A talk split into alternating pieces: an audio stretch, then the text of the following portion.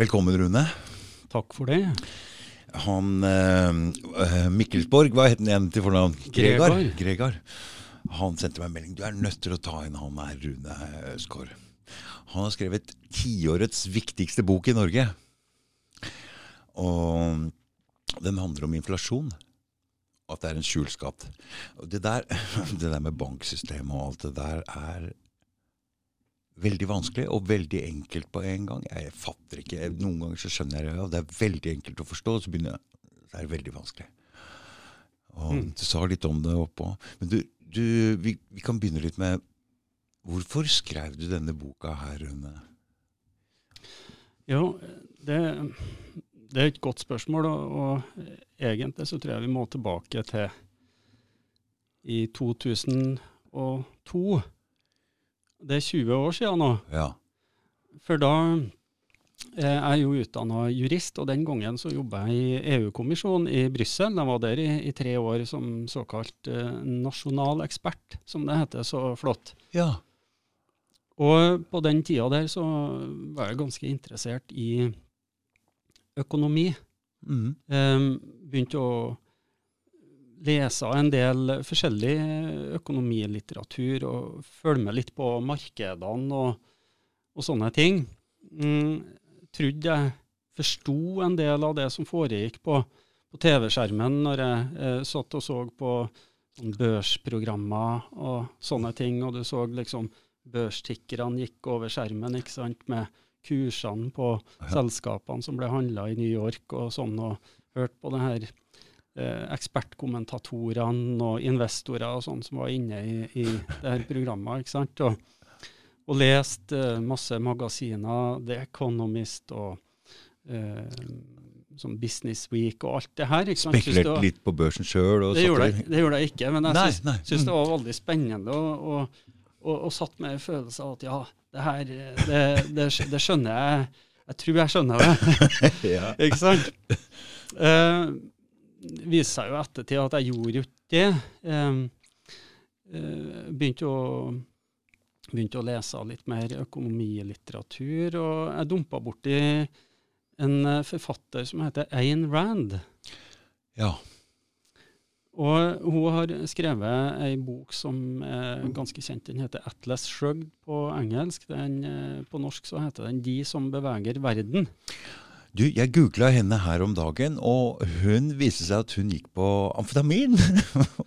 ja, det Så kom de fram i etterkant. Ja, ja, ja. Det var bare sånn Det visste ikke jeg, nei. Nei, det visste jeg, skjønner du.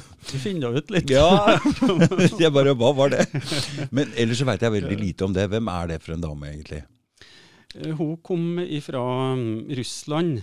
Flykta fra Russland til USA.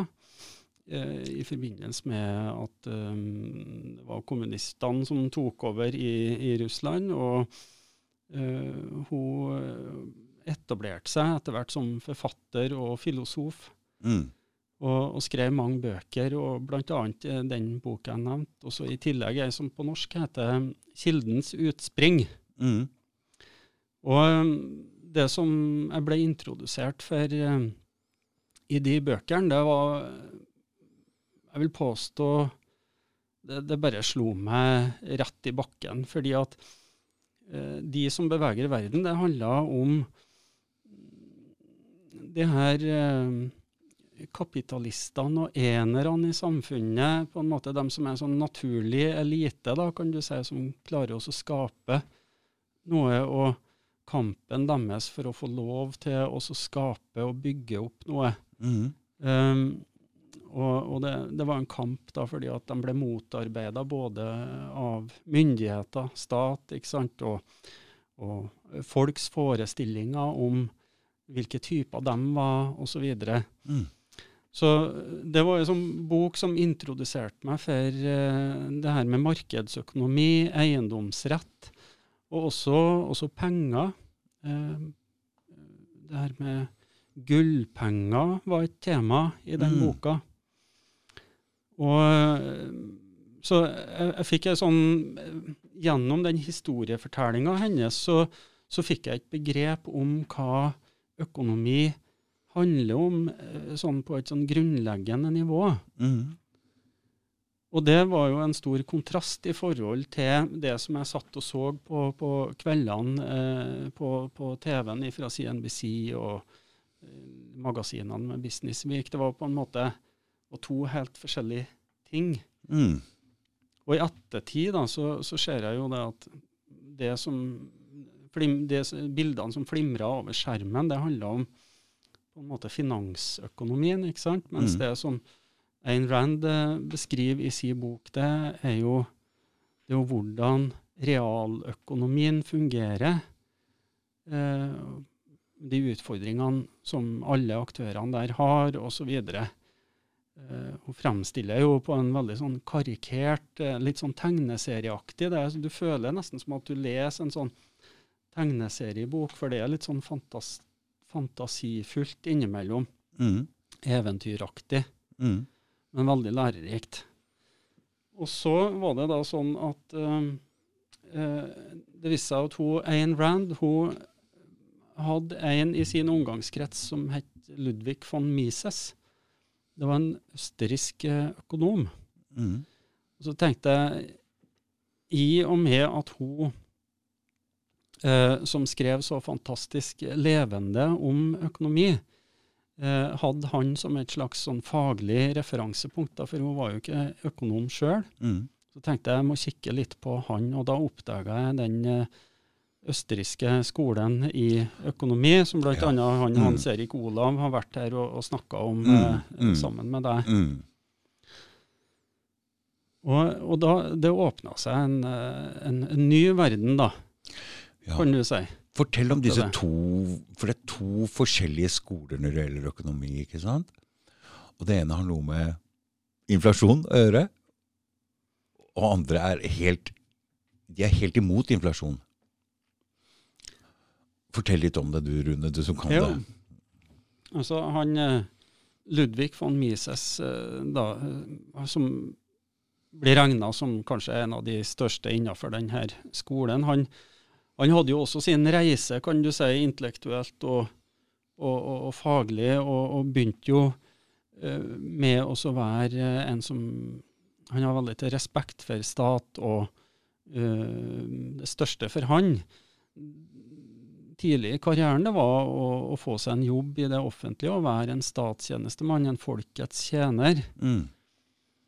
Men eh, etter hvert så begynte han å, å oppdage noen økonomer, bl.a. en som het Carl Menger, som blir regna som grunnleggeren av den østerrikske skolen.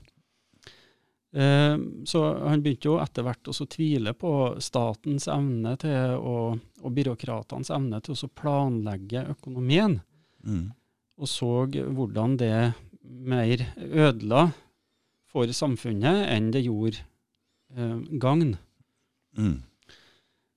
Og han engasjerte seg bl.a. i um, forbindelse med det som skjedde etter første verdenskrig med eh, Tyskland. Mm. For eh, Tyskland eh, tapte jo første verdenskrig, som kjent. Mm.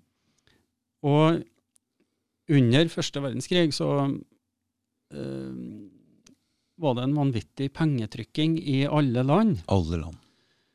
Eh, og, og statene gjorde det, trykte penger, og de tok opp eh, store lån. Og I tillegg da så har jo Tyskland eh, pådratt seg stort, stort erstatningsansvar, for de tapte krigen og, og måtte eh, betale veldig mye til dem som eh, ja, rett og slett vant krigen, og dem som fikk skader. Men, men det, med, med, det med å trykke opp penger siden de har sentralbank, det er det samme som å ta opp store lån, eller? Ja, det, det er det som skjer i, i praksis, da. Mm. Så det som skjer i praksis, er at eh, en stat som har behov for eh, å ty til, til seddelpresser, som de kaller det, de tar opp lån med å eh, De sier at vi, vi vil ta opp et lån, vi vil betale tilbake det om ti år, Mm. eller tre år, eller hva det nå er. Mm. Og så er det noen eh, private aktører da, som, som sier at ja, vi vil eh, låne dere det her pengene. Oh ja, så det er ikke sentralbanken da- som gjør det? Nei, og da, da utsteder da utsteder eh, utsteder staten da, en såkalt statsobligasjon, som det heter i, i Norge. Mm. Og, og typisk så er det da sånn da at eh, eh, det er forventning i markedet om at sentralbanken trår inn og så kjøper de her statsobligasjonene i- ifra det private? Det er jo investeringsbanker og, og sånne ting. da. Ja. Så det er fall, det er i hvert fall Nå er ikke jeg noen ekspert på det her, Nei. på måten eh, akkurat det her Det er veldig rart at disse voldsomme pengetrykkingene alltid kommer i forkant av en krig. Det, Hæ? det er akkurat som de forventer Ja. en seier i, i etterkant her og fordele noe bytte eller et eller annet. Mm, for det henger litt Ja. sammen. Ja, det, det er interessant det der. Altså, du kan si eh, kan komme litt tilbake ja, til det. akkurat Mm. det der, så, Mm. så kan jeg bare gå litt videre med han Ludvig von Mises. Da. Men han, han så det at den tyske staten de prøvde også å løse eh, gjeldsproblemet sitt etter første verdenskrig med å trykke opp penger. Mm.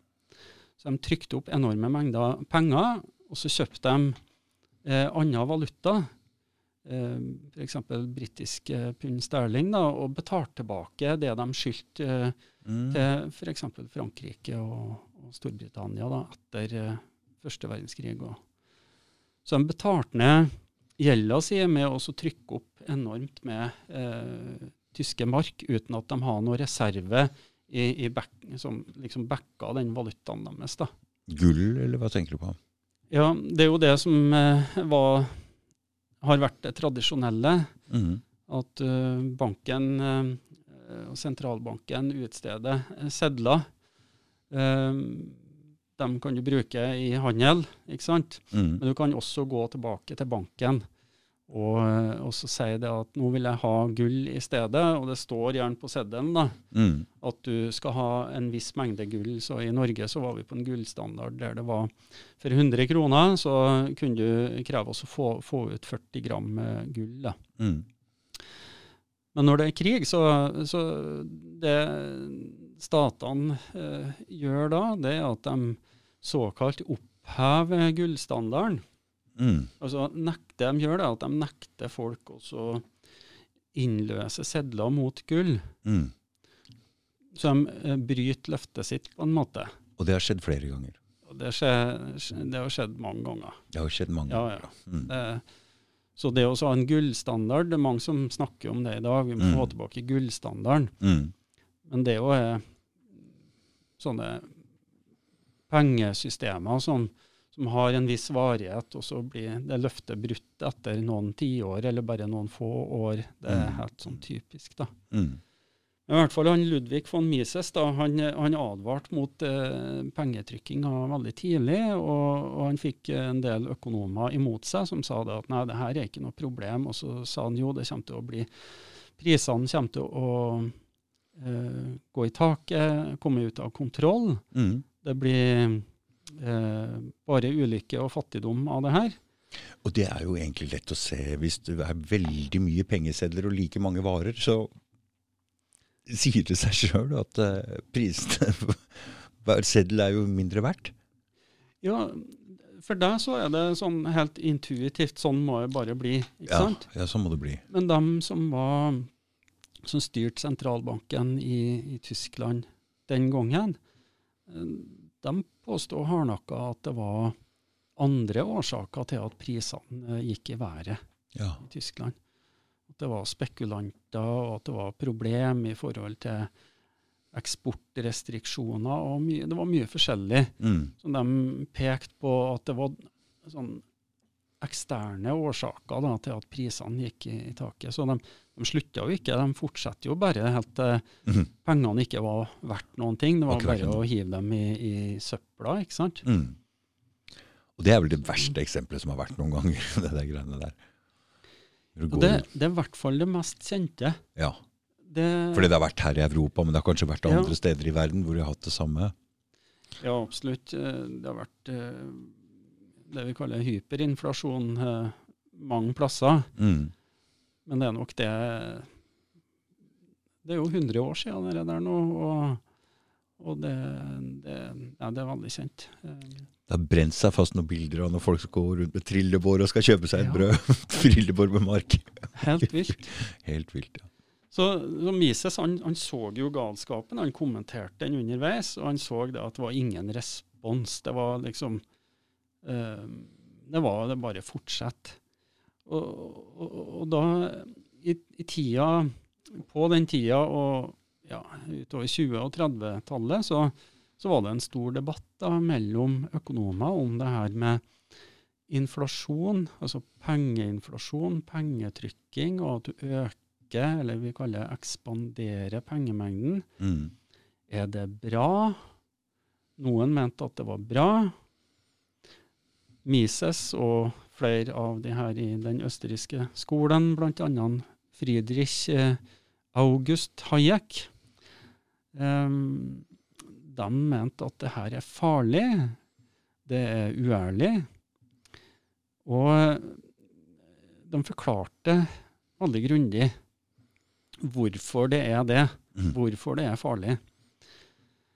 Men sånne da som eh, John Maynard Keynes, som er kanskje den mest kjente økonomen i Han, I verden. det navnet er til og med kjent for meg, ikke sant? Så det er, ja. han, eh, han eh, var jo engelsk. Og mm, han var ikke noe tilhenger av gullstandard og det at det på en måte skulle legge begrensninger da, på sentralbankene og ja, bankene sin mulighet til å så ekspandere pengemengden gjennom jo det her med at det ytes mye lån også til private, og sånn er med å øke pengemengden. Sentralbanken lar bankene få øke utlånsvolumet sitt, og da øker pengemengden, og så går, går prisene opp. Så Keynes han, han likte ikke gullstandarden. Han mente at det var viktig å få eh, å ha statlig styring av pengemengden, da. Om den skulle opp eller ned. Eller helst opp, da. Helst opp, ja. Og han, eh, han eh, lytta jo politikerne til. Eh, og det er jo ikke noe overraskende, Nei. fordi Fordi jeg har jo lest i boka di, så jeg veit jo litt om fordia. det var jo populært hos politikerne. Mm. Eh, I hvert fall de aller fleste. Trykk litt på musa igjen, så det kommer bildet der. eh. Så får de bedre lys. På den nye, fine skjermen min. Ja. ja, fordi eh, Men denne historien går langt tilbake, og det er rein svindel å øke pengemengden på den måten der. For du har en historie fra Trøndelag, du. Ja, Hæ? nå heter jo boka heter jo Fraudcoin, altså svindelmynt, kan du si, eh, på norsk. Eh, 1000 år med inflasjon som, eh, inflasjon som politikk. Jeg må kikke på boka når jeg sier det her. Ja. Um, altså, Den er akkurat kommet år. ut, Den er akkurat kommet ut, ikke sant? ja. Eh, den, jeg fikk den på lager i forrige uke, men. Ja. Så, så den kommer ut i butikkene nå etter hvert, da. Mm. I, i, eller bare på nett. Eller butikk. Du, du sender meg lenker, så vi legger under hvor du kan få kjøpt boka Ja. sånn etterpå. Mm. Ja da, den, nå har bokhandlene endelig fått mulighet til å bestille den gjennom sine eh, ordresystemer. Mm. Så det kommer ut i butikkene etter hvert. Men eh, det er bare å sende meg en mail eh, hvis man er utålmodig. Ellers så kommer den òg som e-bok nå. Jeg tror den ble lagt ut i dag. Da. Så spennende. Det er spennende, Rune. Det er veldig spennende. Så den, den boka, den går, der, der går jeg 1000 år tilbake da, med liksom inflasjonspolitikken. Mm. Og den gangen var det lettere å se hva det der, at det var rein svindel. Ja, det var det.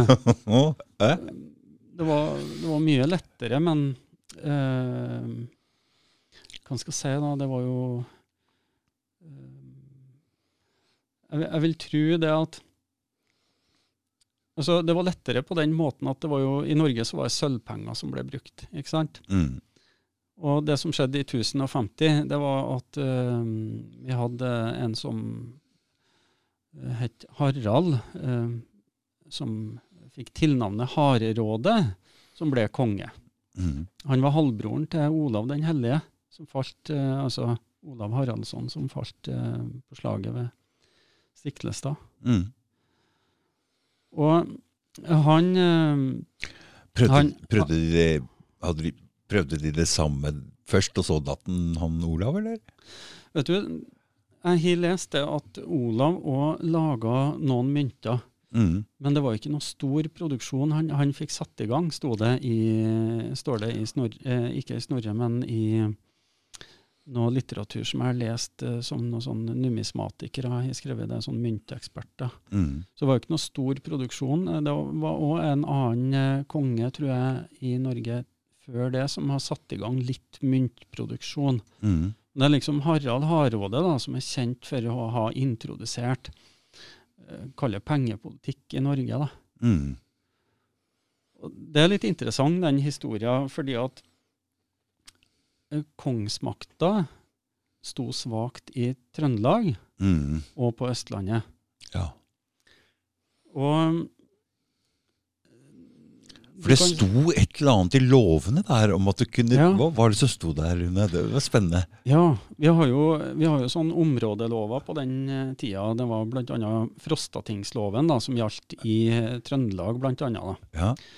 Og den eh, var, har en eh, helt eh, spesiell eh, bestemmelse som ingen annen i, i, i Norden hadde, i hvert fall som vi vet om, og det blir kalt uh, Frostatingslovens motstandsbestemmelse. ja.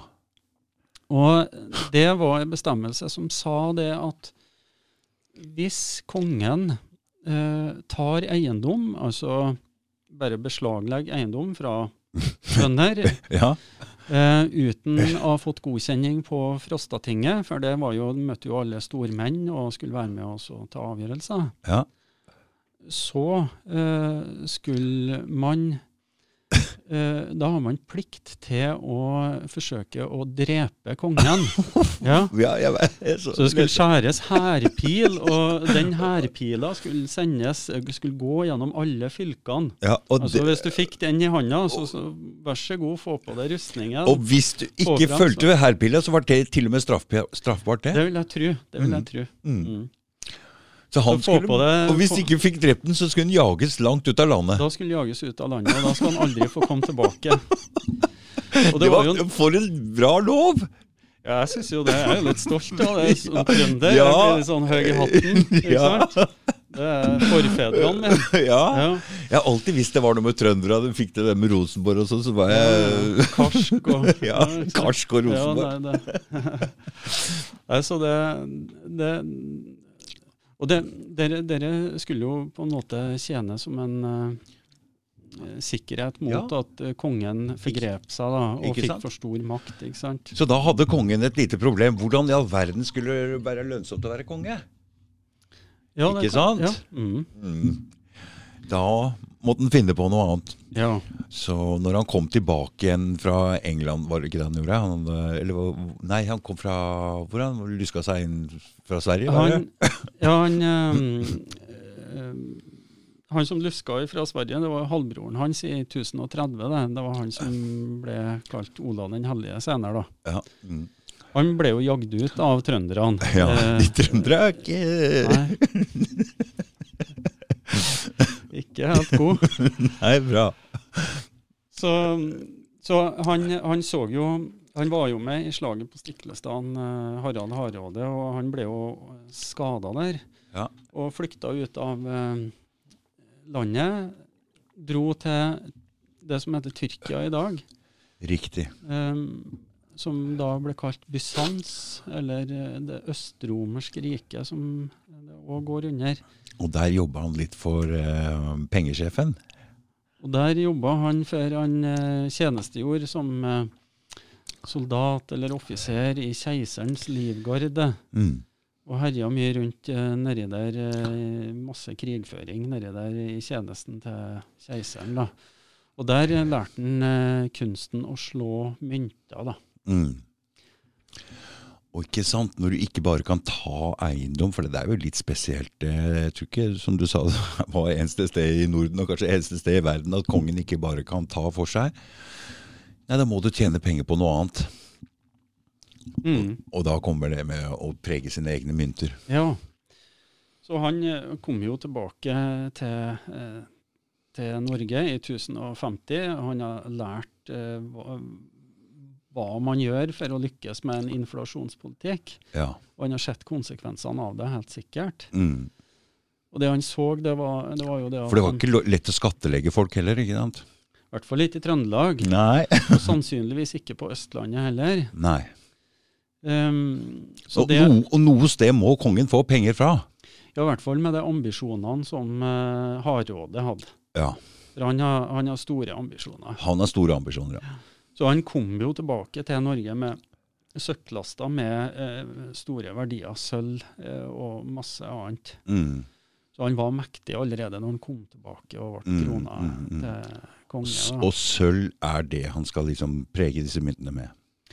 Ja, så det blir da sølv som eh, har blitt brukt som penger, men vi skal da ta med oss det at før han etablerte det der, så, så mener vi at det er sannsynlig at det var det vi kaller pengefrihet i Norge. da, Så folk kunne velge hvilke penger de eh, ønska å bruke. Mm, for det er også et uttrykk, pengefrihet, som vi kommer tilbake en litt seinere ut i boka di også. Mm. Så pengefrihet, da, for meg så er jo det eh, retten til å kunne bruke den valutaen eller det pengetypen som du ønsker. Om du ønsker å bruke gullmynter, sølvmynter, om du ønsker å bytte, bruke andre typer byttemidler. ikke sant? Det, det har jo vært eksempler på alle mulige slags eh, betalingsmidler opp gjennom Mm. tida. Så, så det, det, det er pengefrihet, retten til å velge egne penger. Det motsatte er jo at du monopoliserer pengesystemet. da. Mm. Og det var det som eh, han har lært i Istanbul, i, i, i østromerske riket. Miklagard kalte jo eh, vikingene eh, den byen den gangen. Mm. Og eh, det han gjorde i 1050, det var det at han visste at det var en høvding, en jarl, som het Einar Tambarskjelvet, som har hovedsete i Trondheim. Han var mektig. Så det han gjorde, det var at han la et bakhold for han, og tok livet av både han og sønnen Eindride. Mm. Og Samme år da, så etablerte han myntverk i Nidaros, altså Trondheim. da. Mm. For det er også en ting du sa, han etablerte altså myntverkene sine på de to stedene han sto svakest. Ja. Hvorfor gjorde han det egentlig? Ja, Det andre stedet var jo Hamar, altså mm. da er vi på Østlandet. Mm. Og det han da gjør, det er at han etablerer myntverk. ikke sant? Og så sier han det at eh, eh, alle må akseptere mine mynter. Dem som ikke aksepterer mine mynter, altså med mine, så mente han altså dem som har han, eh, han sitt preg, da, merke på myntene, kongens mynt. ikke sant? Mm. De som ikke aksepterer det, eh, de eh, eh, kan måtte bøte med livet. altså Det var dødsstraff i prinsippet for det. da. Så dette er klart at her setter han eh, Dette er viktig. Ja, det, det settes veldig på spissen, det her med statsmakt. da. Mm. Um, Mm. politisk makt, ikke sant. Mm. føler du ikke det som blir bestemt, så er det i ytterste konsekvens så, så blir du tatt av dage. Og da skjønner vi det at pengepolitikk er viktig. Hvor viktig det egentlig er når han setter alt inn på dette her, og får prega sine egne mynter, og sier at det koster deg livet hvis du ikke bruker dem. Ja. Det er det klart at pengepolitikk er mye, mye mer viktig enn det vi tror. Det er klart, det er ganske sånn brutal, eh, et brutalt bakteppe da, for den norske pengepolitikken. Det her er liksom den norske pengepolitikkens arv, kan du si. Vi har aldri hørt noe om dette i historiebøkene. Nei, og det burde kanskje bli undervist i skolene, f.eks. Om, Ja. om det her. Mm. Eh, Det har jeg i hvert fall tatt til orde for i boka mi. Mm.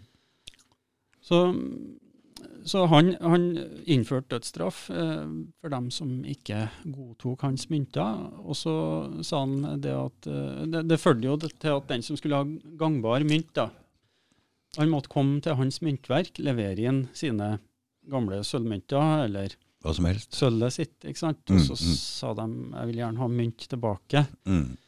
eh, så så stor mengde sølv eh, leverte de inn, og så fikk de masse mynter tilbake. Og det Harald eh, sin mynteksperter eh, har gjort, det var å holde unna litt av sølvet som ble levert inn. Da, så det gikk inn i kassa til Harald. da. Her ser, du hva han, her ser du hva han begynner å tjene penger på, ikke sant? Ja. Og det er en form for inflasjon. På en måte at mynten inneholder nå mindre sølv enn det de leverer inn. Ja. Så her er han tjener penga sine. Ikke sant? Mhm. Og det han gjør da over tid, så reduserer han eh, sølvinnholdet i Harald Det som ble kalt Haraldsslåtten etter hvert, for de ble jo slått, det her myntene. Så de ble slått, så de fikk det preget da, som han krevde at de skulle ha. Mhm. Så Haraldsslåtten den eh, ble redusert fra 90% sølvinnhold til de mener 33% sølvinnhold. da. Han var ikke lite grådig heller. han. Nei, var ikke det. Og da, hør, da hører Fordi han hadde det- ambisjoner ikke sant, om, om noe annet. Han hadde ambisjoner om, å, om krig. Så han trengte penger. Han skulle ha mer penger. Ja, men la oss ikke hoppe dit Nei, riktig nei, ennå. nei. nei. Fordi at det han gjør i tillegg til at han setter opp myntverk i Nidaros og på Hamar, og i tillegg til at han krever at de skal bruke hans mynter, det er at han etablerer kongsgårder også der han står svakt, altså i Nidaros, og jeg vil tro også på Hamar. Mm. Eh, Han gjorde det òg i Oslo. Han er jo regna som eh, grunnleggeren av Oslo. Mm. Um, og, og så begynner han jo selvsagt å ta i bruk de myntene, eh, den rikdommen sin sjøl. Han etterspør varer og tjenester arbeidskraft. ikke sant? Mm. Og de vil jo da trekkes fra andre plasser til der han holder hus, da. Holder hoff, eller hva de kaller det. ikke Ja. sant? Mm. Og der han eh, satser på å få, få utvikle på en måte eh, samfunnet, få opp infrastruktur og Ja, sånn. for folk trekkes til der hvor pengene kommer først. Ikke sant? Mm. Ja. Det er sånn man former samfunnet. ja. Og da begynner disse byene å vokse. Mm. Og da etter hvert så, så får en større og større kontroll over eh, bl.a. Trøndelag og, og, og Østlandet. Mm. Ikke sant? Mm. Så en bruker inflasjon som en sentraliseringspolitikk. Da. Ja. Og, og Så det er, sånn, det er flere ting her. Det er ikke bare penger inn, men det er en slags sentraliseringspolitikk også. det ble det for han. Da, Og det er det ennå.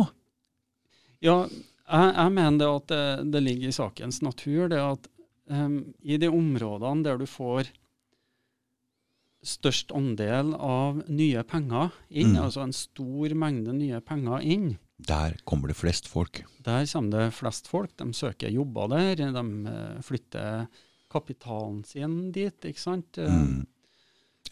Høyest verdistigning der. Nettopp. Mm. Vi kan ta et eksempel, bare sånn, nå hopper vi litt da, men Ja, ja, eh, mens du er inne på det da. Mm. Eksempel eh, det med eiendomspriser, det er jo noe som alle vi nordmenn har et forhold til. Vi skal jo bli opplært til det at vi må inn på boligmarkedet så tidlig som mulig, Mm. Så, Mm. Så i, i Oslo så har det kanskje vært sånn rundt omkring en dobling av eiendomsverdiene de siste ti åra. Mm. Mens eh, der jeg kommer ifra, Mm. eh, som er litt på, ut på bygda utenfor en by som heter Steinkjer, Mm. eh, der har ikke boligprisene steget Nei. så raskt. Ikke Nei. sant? Nei. Så det som skjer hvis du, hvis du investerer, hvis du bygger et hus i, eh, sentralt i nærheten av eh, her vi er nå, Mm. og så snur du deg rundt, eller du selger jo det, kanskje det huset hvis du er en investor ikke sant, aktiv i eiendomsmarkedet, så selger du det før, før huset er ferdig. Eh, og- da du, har du da det siste året vært sikra å få en avkastning. Mm. sant? Mm. Men hvis du i heimbygda mi setter opp et hus, så betaler du det samme for varer og tjenester, i hvert fall for varer. Mm. Kanskje litt billigere arbeidskraft, Kanskje litt billigere tomt. og billigere tomt. Mm. Absolutt, det har du Mm. helt rett i. Mm. Så litt billigere blir det. Mm. Men allikevel så er det sånn at eh, du, det produktet du får da etterpå, det kan du ikke snu deg rundt og selge, og så få igjen alle investeringene eh, dine eh, samme året som du har bygd det. Mm. Det typiske er da at du må bo der og prøve å, å få betalt ned på lån. Mm. Og, og, og, og håpe da at eh, prisene etter hvert skal stige der òg. Så prisinflasjon, altså pengemengden, at den øker, ikke sant. Mm. Den, den kommer sakte, men sikkert, og da dem som er på bygda, til hjelp med at etter hvert da så har eiendomsverdien steget, så at den er høyere enn det lånet som du har igjen etter at du satte opp det huset for noen få år siden. Ja, for dette, dette skriver du litt om i boka si. Det er altså de som får de penga som blir trykt opp først. Det er da penga er mest verdt. For etter hvert, når det har gått et år, så har jo pengene tapt seg. Og da er jo ikke pengene like mye verdt lenger. Så de som får de første penga, det er de som tjener på dette. De som Mm. får penga sist, de er taperne. Ja. Ikke sant? Hvis vi skal se på det store bildet, så er det sånn. Mm. Så de nye pengene som kommer inn, typisk da via bankene sin utlåning, det er altså eh, Jeg mener at over 90% av pengemengden eh, er jo rett og slett utlånte penger fra vanlige banker i Norge. da. Mm. Og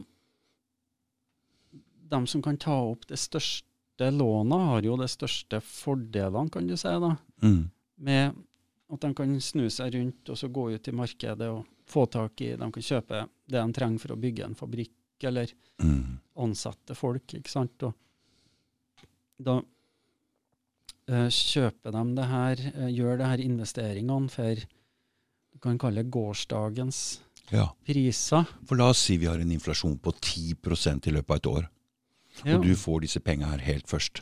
Så er det klart at tjener du 10 Ikke sant? Mm.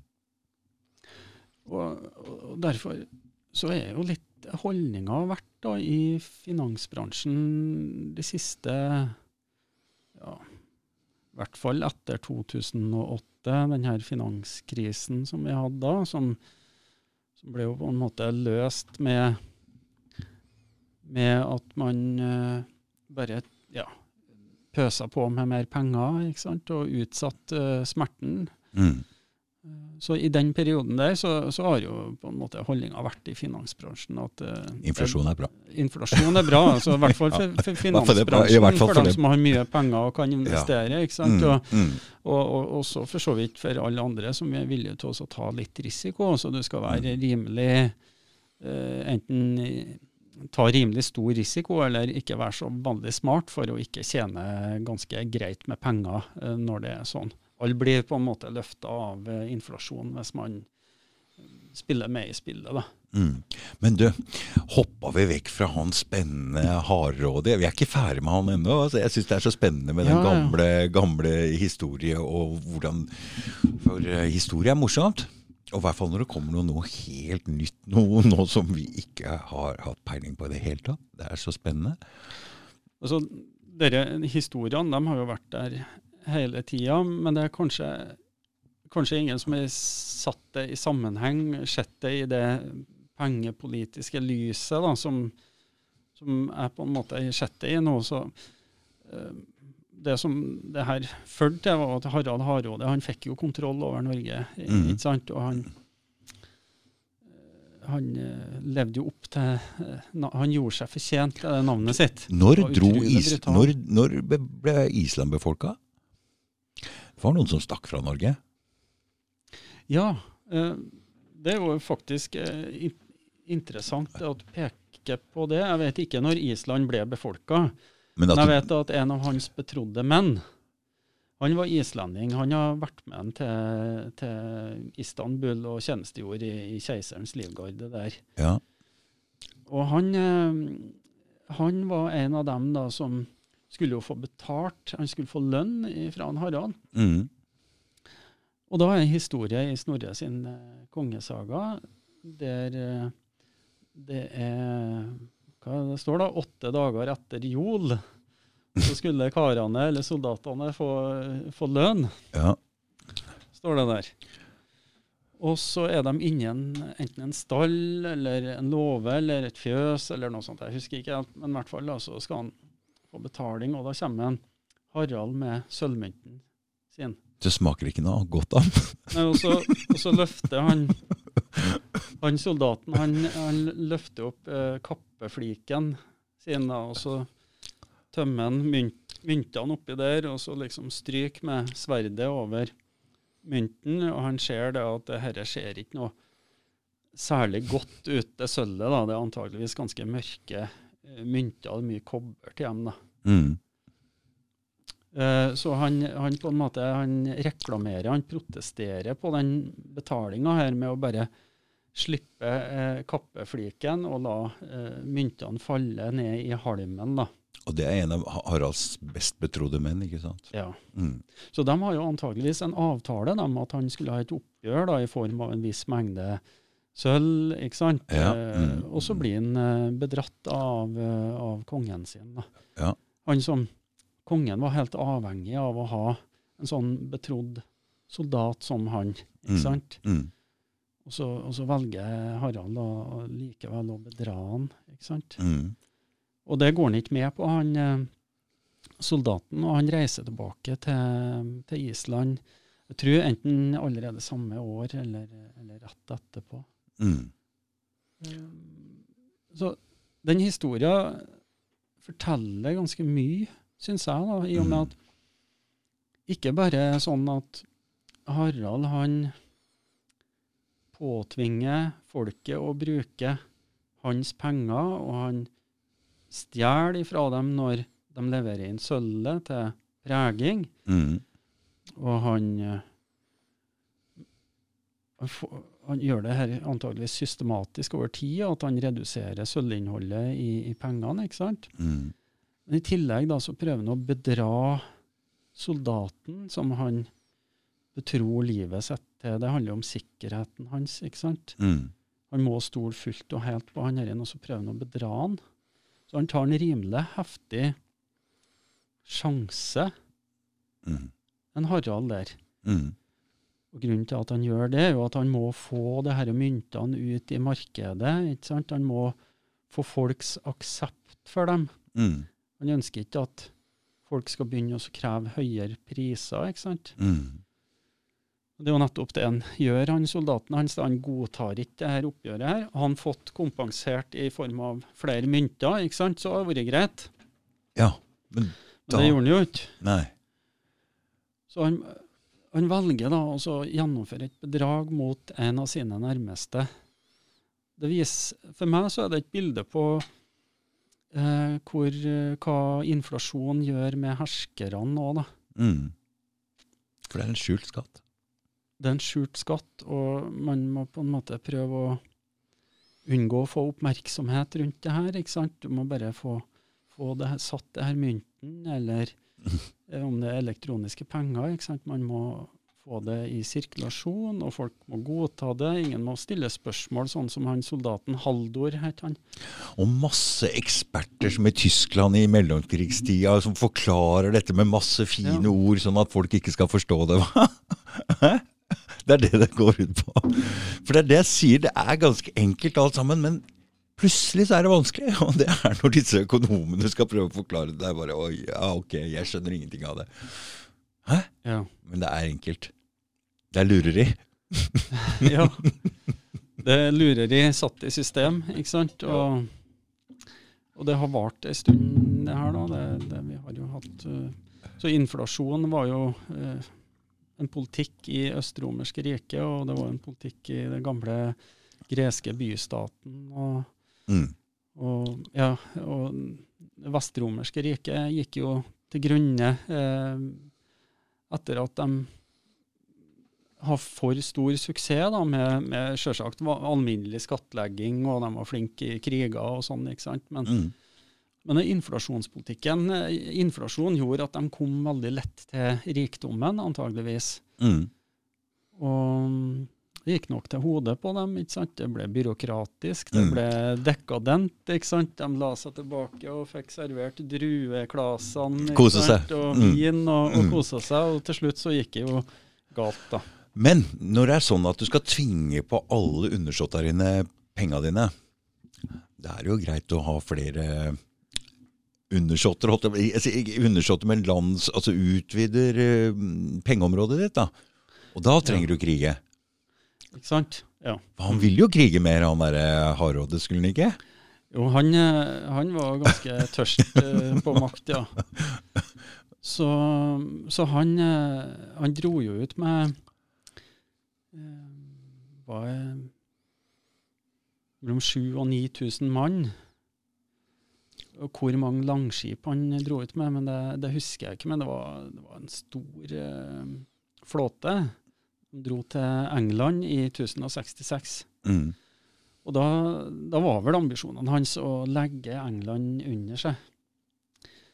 Og, og sånn i sånn inflasjonspolitisk eh, eh, perspektiv, Mm. så er, det sånn at jo større områder der du kan få folk til å begynne å akseptere dine mynter eller din Klart ikke valuta, sant? Jo jo større penger inn, ikke jo større, Mm. jo større formue kan du Ikke skape sant. deg. ikke sant? Så det Mm. bare, det bare eter jo på seg, det her. Som vi sier. Ikke sant. Så, så, så sett i dette perspektivet så skjønner jeg jo litt mer hvorfor folk vil krige, og hvorfor Ikke sant? Det, det setter, jo, setter jo en helt, helt ny mening på det hele. Ja, nå tror jeg det her kongene har lyst til å krige litt uansett. Ja, ok. Eh, men, men det er klart det at det her, det her var jo en politikk som sannsynligvis fungerte veldig godt. Mm. ikke sant? Mm. Jeg tror det var lett, lette penger. Mm. Over tid så får du en stor effekt av det her når du eh, ekspanderer pengemengden på den måten han gjorde. Så jeg tror det at det, går nok litt til hodet på dem. ikke sant? Det er jo Mm, le, mm. penger. Mm. Men, men så skal du ikke se bort fra at de syns at de får til noe òg. Framskritt, ikke sant. Byer øh, på en måte Så kanskje han ser på Ja. det som noe av det gode. Jeg vet ikke, jeg. Men det er klart at det er jo på bekostning av folket, da. Ja, for prisene gikk jo opp. ikke sant? Ikke sant? Mm. Jeg har ikke noe statistikk på det som er presentert i, i boka mi, men når eh, pengemengden øker, så hvis du ikke da fyller på med at du får eh, tilsvarende større varemengde, Mm. så vil jo prisene gå opp. Mm. Så dem som eh, kanskje bodde langt unna de her eh, store mm, sentrumene som han bygde opp, da, Mm. de måtte jo òg betale høyere pris sant, for ting som de trengte. Mm. Men de hadde jo kanskje ikke da inntekter eh, som Altså at de fikk eh, av det her Haraldslåtten som inntekter, ikke sant? Mm. i noe særlig grad. De Mm. kom seint til festen, Mm. og, og da måtte jo, måtte jo dem på en måte betale prisen for det her. Så det er den overføringa, ikke sant, fra Du, ble trøndere helt borte med han derre Tambarskjelvet, eller? Var det bare han som hvor, må- er, Kom det ikke noe mer motstand fra Trondheim? Eller hva? Um, det, altså jeg tror de ble rimelig spak, egentlig, etter det der. der. Ja. Jeg kjenner ikke så detaljert til Nei, den på- etterpå, Mm. men, ehm, men i hvert fall tror det var Harald Hardråde og pengepolitikken han som gjorde den store forskjellen. For det at før han satte i gang i 1050, Mm. så var det en uh, rimelig, rimelig tøff kultur, har jeg inntrykk av, i, i Trøndelag. Mm. Um, stolt sånn altså, identitet, ikke sant. Og man ville ikke ha noe kongsmakt Nei. å snakke om. Hva skulle med det? Ja, det kan du si. Mm. Um, man hadde jo alt man uh, trengte der. Ja, hva Eh, trenger man staten ja. til du? Så hadde de litt støtte fra danskekongen, da, så Ja. han, eh, han, han backa dem på en måte. Så han var en sånn en støttespiller som kanskje ikke var like hårhendt som eh, ja, Olav eh, den hellige. Og, For han kom fra Sverige. Han hadde støttet fra Sverige. Ja, han, eh, han hadde nok eh, både støtte fra Sverige og flere eh, andre plasser når han kom inn og skulle prøve å legge Norge under seg i 1030. Mm. Og bare, det er bare en sånn eh, eh, Hvis jeg fordeler det Jeg er litt sånn besviken, var ikke det uttrykket som han ordføreren i, i, i Sverige var etter at de ikke fikk eh, vinter-OL? Han var besviken. Og jeg er Mm. litt besviken på mine eh, medtrøndere sin vegne for den posisjonen som Olav den hellige har fått da, Ja. i, i Norge og, og i, i Trøndelag, med at vi feirer Olavsdager og, og den slags. Mhm, Altså, han, han kom jo for å legge trønderne under seg, ikke sant? Ja. Etter at uh, vi har jagd den ut av landet. For han, han var jo en tyrann, ikke sant. Ja. Vi, vi jagde den ut av Trøndelag, vi ville ikke ha noe med han å gjøre. Og så kommer han tilbake i 1030 med en stor hær. Og så blir han tatt av dage av den trønderske bondehæren. Mm. Og så, og så går ikke det så lang tid, og så begynner man på en måte å, å dyrke den her tyrannen som en slags helt, i hvert fall. Sånn, i, I dag så er han jo opphøyd til helgen. Han har jo fått helgenstatus. Ikke, Ikke sant? Sant? er derfor han kalles Olav den hellige. Ja. Og, og det er da en mann som Han ville ikke trønderne noe godt i det hele tatt. Det er får- rart hvordan sånn historie meg når vi har det her, vi, liksom vi har Olavsdager og, Ja. og det her, og så, og så har vi det store spelet om eh, hvert år, ikke sant, på Stiklestad og sånn. Jeg er veldig blanda følelser. Ja, I hvert fall når du sitter med fasiten på historien her, og veit hva som har skjedd. Men det andre folk veit vel ikke Vi er ikke veldig gode i norsk historie, er vi? Kan da Jeg vet, umulig ikke, jeg vet ikke, men, men altså, historia skrives jo av vinnerne. Ja. Mm. Vi har jo en kultur som går på det med at vi skal samle oss rundt det norske. ikke sant? Og, og, og Ja. konge, kongeslekta sånn er jo veldig viktig symbolsk i, i den forbindelse. da. Ja. Så jeg skal ikke, jeg skal ikke kaste vrak på, på, på, på den, på en måte. Men sånn, i forhold til min trønderske identitet, så gjør det litt vondt at vi er med på en slags styrking av det som var en tyrann, og som faktisk eh, kunne slå oss på brystet for at vi fikk jagd ut av landet. Eh, ikke sant? Interessant. Sånn, det, nå blir det rene historie. Ja, men jeg liker det. Jeg liker ja. historien. Det er veldig spennende. Men det er jo kanskje Jeg tenker det er enklere å forstå Mye enklere når du kommer med de bildene der, hva inflasjon er. Det er lett å forstå med en gang. Ja.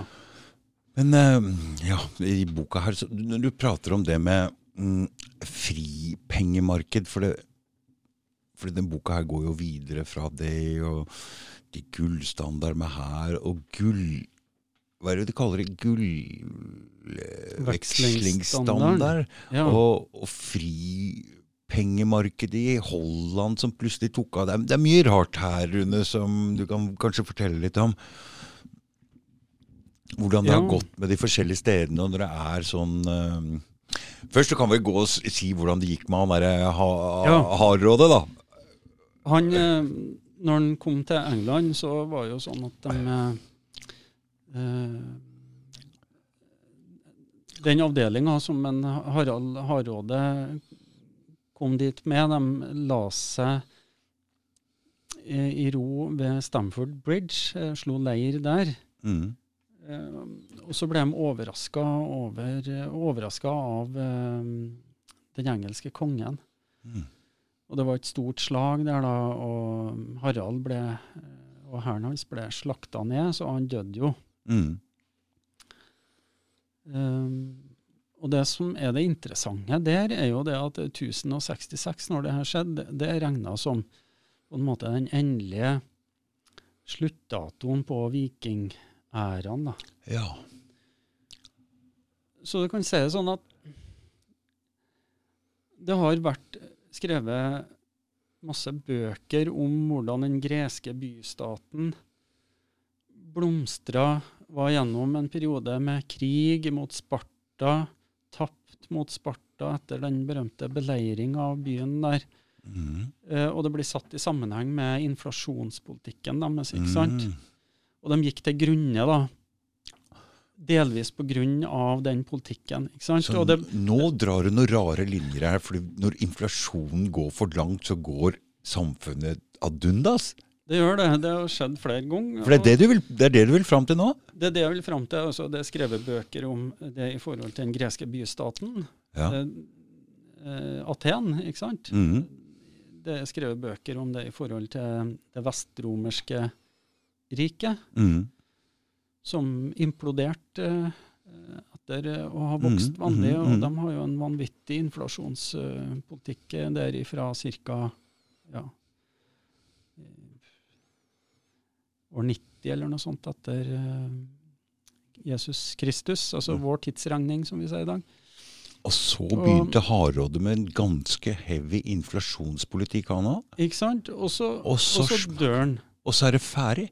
Og så, er vikingtida liksom så er vikingtida ferdig, i hvert fall. Er historikerne enige om, stort sett enige da, om at det var da vikingtida, med den kulturen som vi hadde da, eh, at den tok slutt. Vi mista Men de har, krafta vår. de har ikke satt det i sammenheng med Nei, nei. den her uh, pengepolitikken til Harald Hardråde. Det syns jeg er litt rart, i og med at det har skjedd i flere Ja. store kulturer, og viktige og kjente kulturer før. da. ja. Og jeg skal ikke si det at det er en sånn eh, at det er en sånn én-til-én korrelasjon her, eller at det måtte gå sånn, eller at det var en konsekvens av hans pengepolitikk. Men i hvert fall så er det et ganske sånn tydelig sammenfall. da. Mm. Og så ser vi jo at det er en, noe som skjer i verden i dag som ligner litt på det samme. Ja. Det, er, det er et imperie som er for fall, og de trykker penger som bare det. Mm, mm. Så får vi se hvordan det går, da. Ja, det blir interessant. det blir interessant. Det For hvis det er sånn Det er bare å ta på seg sikkerhetsselen, tenker jeg. Ja, Ja. og hvis det er sånn at i løpet av et par-tre år USA faller, så da har du rett, Rune. Ja, vi får se. Jeg har jo ikke, jeg, jeg har spådd noe om, Nei, nei, nei, om det er ikke sagt noe om det. Nei. Takk. Så jeg har Ikke ikke blitt tillagt, så jeg ikke blitt tillagt det. Nei. Men øh, det som er litt interessant, øh, bare hvis vi rykker litt frem igjen til Ludvig von Mises og den Ja. herre Østerrikske. krigen da, mellom østerrikske økonomene og, og de her eh, andre økonomene da, om hvorvidt inflasjon var bra eller ikke. Ja. Eh, Så, så hva var jeg skulle si, jeg ble, kommet kom ut litt av det. ja, klokka mi begynte å mase. Jeg har kjøpt meg en ny klokke, Ja, den, og den sier ja. Vet du hva den sa? Reis deg og flytt deg! Maken til Ja, klokke. Unnskyld. Um, jeg må få, Mises få. Østerrikshøgskolen. Ja. Mm. Så det, det han advarte mot, var jo at det her er farlig, men nei, nei, nei, sa andre økonomer. Det her, er- det her går så fint, så, ikke sant? Og, Mm. og, og, og de vant jo frem. Det var dem som fikk posisjonene i universitetene, de andre økonomene som var for inflasjon. ikke sant? Det var dem som fikk eh, gehør hos politikerne, fikk eh, ansettelser i byråkratiet, ikke sant? ble rådgivere til Var det noen. Og, var det noen Rockefeller og noen penger og noen universiteter inne i bildet her òg, eller? For å skvise ut de riktige folka? Ja, det er interessant nok. da, så Det mest tydelige eksempelet på det har vi jo i Norge. da, Mm. Med at uh, Rockefeller han ble jo styrtrik. Han ble jo verdens rikeste mann. Han var amerikaner. eh, Stor på olje. Mm. Uh, og han uh, laga ei stiftelse som het uh, The Rockefeller Foundation. Mm. Og den stiftelsen den uh, er da en sånn veldedig stiftelse som finansierer mye forskning og ja, eh, rundt omkring eh, både i USA og i Europa. Og, og de var aktive da på, på 20- eh, og, og 30-tallet. da. Utdanning av økonomer. Ja, de eh, bidro til utvikling eh, på universitetene, bl.a. I, i Norge. da. Mm. Så det var en norsk økonom som Eller han var statistiker, egentlig. Han het Ragnar Frisch. Han fikk stipend for å dra til USA, Mhm. og var, har base hos uh, stiftelsen. Eh, og kom tilbake til, til Norge. Det var vel rundt i 1929, tror jeg. Eh, Og han eh, jo, har jo med seg på en måte det tankegodset som eksisterte blant amerikanske økonomer på den tida, og som var ganske likt det som Keynes forfekta, med eh, bl.a. det at det er bra å øke pengemengden. Det smører på en måte tannhjula i, det økonomiske systemet og sånt noe. Mm. Og Så fikk han dra tilbake på et opphold ved Yale-universitetet, og var vel der i over en periode på litt over et år, tror jeg. Mm. Og fikk tilbud om prof professorstilling der, med, med høy lønn. Um, 1,4 millioner eller noe sånt noe Oi, i dagens oi. norske Mm, eh, mm. kroneverdi. Litt penger. Det er Ja, så lett å forme samfunnet, gitt, hvis du har foundations med Der kan du forskning og du, du kan få til hva du vil. Du former samfunnet som du vil. Interessant nok så var det en professor ved Yale-universitetet som het Irvin Fisher, som eh, sa seg villig til å betale det meste av lønna hans hvis han tok den professorstillinga, han Ragnar Fri- Frisch. Ved, hvis han valgte også å være der, da. Mm. Men eh, Frisch han fikk et tilbud fra Rockefeller-stiftelsen som eh, var så bra at han ikke kunne motstå det. Og det gikk ut på at de eh, kunne finansiere eh, eller opprettinga av en, et helt institutt på Universitetet i Oslo, Mm. på den betingelse at Ragnar Frisch, statistikeren, nyslått økonom, ble, eh, ble leder for det instituttet. Mm. Og ikke nok med det, da, så altså de finansierte dette instituttet over mange år, og det er skrevet et såkalt memorandum, som jeg omtaler i boka av en som er ansatt ved universitetet. Jeg tror Mm. han er der i dag også. Og der står det det at uh, stiftelsen finansierte flere titalls uh, medarbeidere Mm. uh, som uh, jobba da i stor grad for å videreutvikle de tankene som en Ragnar Frisch har om økonomien. da. Og dette var nok til å gjennomsyre hele det økonomiske tankegangen i Norge. Ja, det, det, altså Ragnar Frisch han var jo òg, vil jeg påstå, kom tilbake med den holdningen at inflasjon var bra. Mm.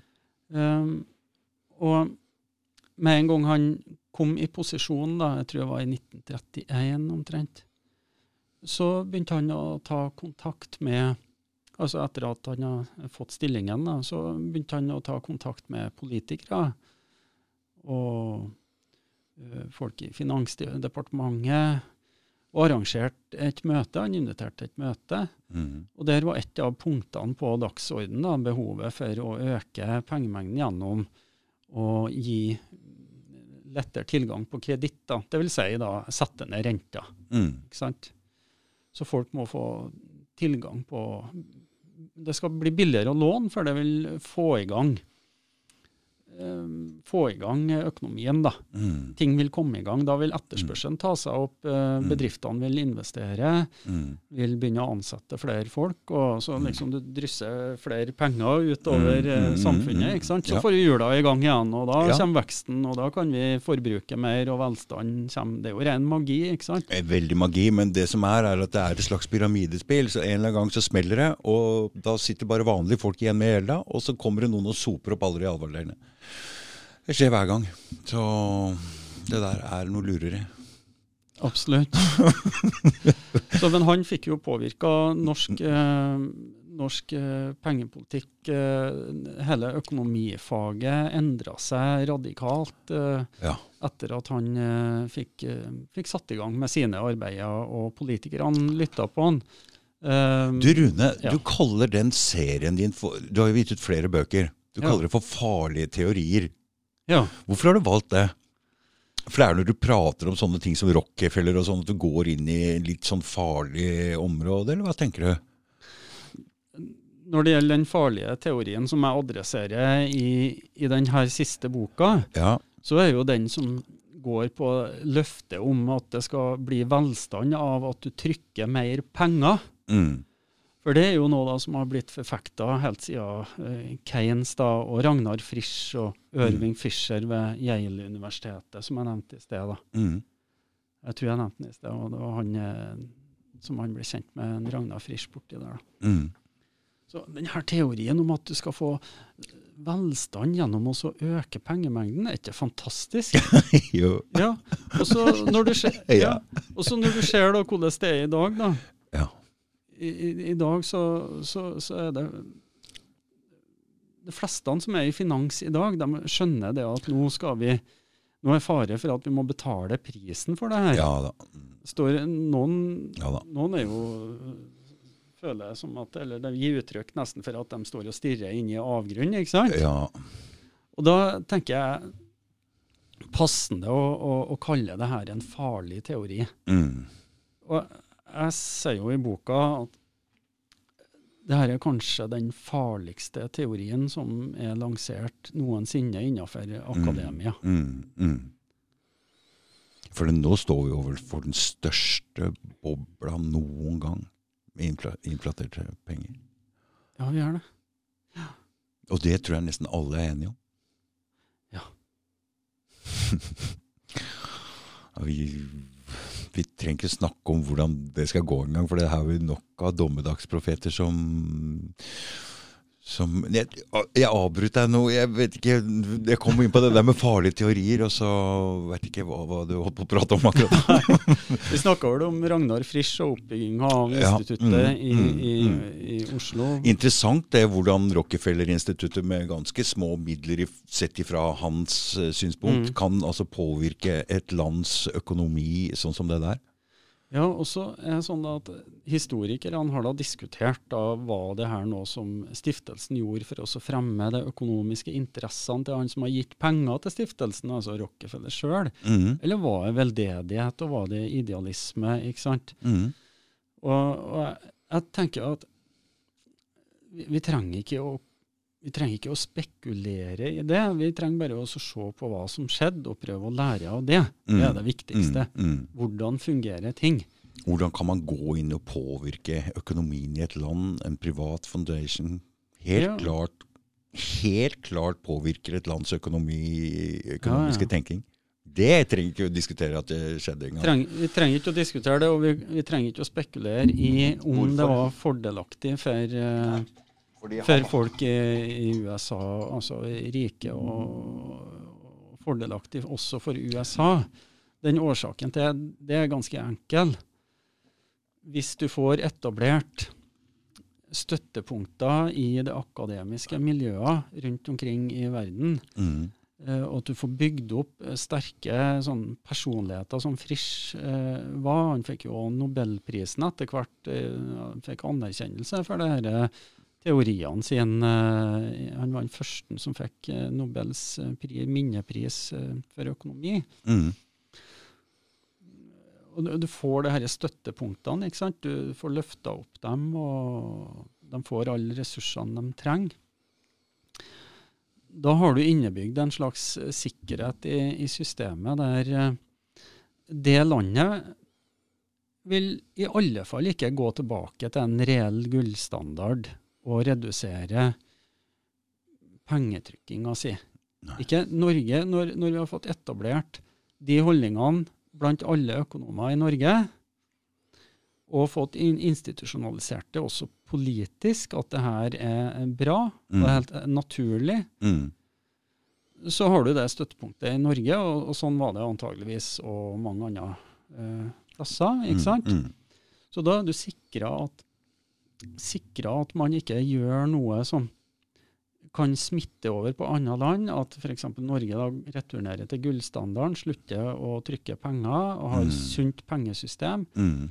Um, hvis Norge har gjort det, så kunne det ha smitta over på For, det kunne, ja, for, Danmark. det, ikke for det kunne vært bra, ikke sant? Kunne sett at det vært bra, for eksempel. Det er jo bra, kunne- Ja, det er bra, og da, da kunne det ha smitta. og da har det smitta. Mm. Det, det gjør det. Mm. Så i det, i det på en måte sånn globalt pengepolitisk perspektiv, så er det viktig, viktig og riktig av noen som har eh, en sterk valuta, og så prøver å gjøre noe sånt noe. Mm. Men igjen, da. Jeg, jeg har ikke noe bevis for at det var et motiv. Nei, nei. Eh, Jeg bare peker på konkret hva det var som skjedde, Mm. og at det som skjedde, det har en sånn funksjon også. Mm. sant? Mm. Og jeg, jeg tror ikke jeg tror ikke det er, er tilfeldig på en måte at den her eh, sterke dollaren, da, eller at dollaren har vært så sterk i så mange år, eh, i realiteten siden 1930-tallet, har det vært på en måte verdens reservevaluta. Mm. Og det, det skyldes, eh, skyldes ganske mye sånn aktiv politikk fra amerikanske myndigheter. Så det er ikke noe som kommer det er ikke noe som kommer av seg sjøl, at dollaren ja nei, det er så fint, og USA er ikke så bra et land, og vi har så stor tillit til det her. og, og, så- sånn for det. Men vi har jo vært innom gullstandarden. Hvorfor skjedde det egentlig? Ja, Hva var det for noe? du kan jo si at eh, før Harald Hardråde i, i Norge, så kunne du jo bruke både gull og sølvmynter som du ville. ikke sant? Og, Mm. og det var antageligvis veldig gunstig for økonomien. Mm. Mens på 1800-tallet så hadde du hatt eh, mange land som har eksperimentert med masse eh, inflasjonspolitikk eh, som finansiert krigføring. Jeg beskriver ganske mye av det i boka mi. Mm. Så antageligvis så utvikla det seg en forståelse i, blant politikere og andre folk med makt om at uh, det her var negativt da med, med inflasjon. Det var på en måte det var stadig krigføring, og, og, og, og det var for, det, det er ikke noe bra for økonomien over tid. ikke sant? Mm. De som hadde penger, de så det at det her fungerte eh, dårlig. Så jeg tror nok det var noe sånt noe som førte til at man eh, valgte å prøve å få en sånn konsensus internasjonalt om at nå prøver vi å knytte pengene våre opp imot gull. da. Mm. Så Men det, var- den ja. historien om at alle, alt gullet skulle til Fort vårt og gullet skulle være der, var det, er det sant, eller? Ja, du kan si på, på 1870-tallet sånn cirka, da begynte ganske mange land etter hvert å, å etablere gullstandarden. Mm. Og da lager de jo stort sett gullet I USA? i, nei, i, i sine egne land. Ja. Ja. Mm. Uh, for hvis, hvis folk kom og sa at jeg vil heller ha, ha gull, Mm. så, eh, så måtte folk få det når de leverte inn sedlene sine, og da kunne du jo ikke ha gullet lagra alle mulige andre plasser. eh. Mm. Og likeens, eh, hvis eh, penger flommer ut, og du har på en måte underskudd på handelsbalansen og, og sånt noe, så måtte du ha muligheten til å flytte gull rett og slett til, til det eh, landet da, som drev og eksporterte eh, veldig mye varer og til oss. da. Mm. Så gullet måtte på en måte flyte mellom, mellom landene. Mm. Så da har vært eh, landet sin egen eh, lov, kan du si, som, som sa det at eh, dollaren den eh, eh, er knytta opp imot så og så stor mengde eh, gull, mens den norske krona er så og så stor mengde. Og så likeens i Storbritannia, Tyskland og Russland mhm. og, og overalt. Så kommer første verdenskrig i 1914. Mm. Og da er jo bare noen få land til å begynne med som er involvert i den. Mm. Men da eh, går alle, så vidt Ja, de aller fleste, i hvert fall europeiske landene, de bryter løftet sitt om å veksle inn eh, sedler mot gull. da. Og Mm. også Norge, som ikke var med i krigen. Ja. Så mm, det var jo herlige tider for den norske staten. De tok jo opp lån, og, og sentralbanken hvorfor, hvorfor skulle penger. vi jeg mener, Jeg har hele tiden hørt historien om at Norge tjente bare gode penger under første verdenskrig med handel og vandel og sånn, men hvorfor måtte vi ta opp store lån også? Jeg tror det at eh, når, når alle land har etablert sentralbanker, så hjalp det på koordinering internasjonalt ja, av pengepolitikk. Mm, ja, Og når alle land har etablert gullstandard, Ja. da eh, var det muliggjorde det enda større grad av internasjonal koordinering, altså mellom landene. For nå kom sentralbanken nå. Sentralbanken den kom allerede, den første kom allerede i 1668 i Sverige. Svenskene var først ute med Svenskene, sentralbanken. vet du. Mm, Ja. mm, Så, så, så det de har stor suksess med det, og, og masse kriging og sånn. Og, Det lønte seg ha sentralbank. ja, i hvert fall på kort sikt, og i hvert fall for kongen. da. Ja. Så den, den ideen om å ha sentralbank, da, en bank da, som låner, kan låne masse penger til, til kongen, altså i form av sedler og, og sånne ting, den, eh, den begynte å slå rot fra 1668. Og, og. Så ideen er svensk? Ideen, i hvert fall den første sentralbanken, er, er svensk. Mm. Men jeg tror ikke vi skal si at ideen Er er svensk? svensk. Nei.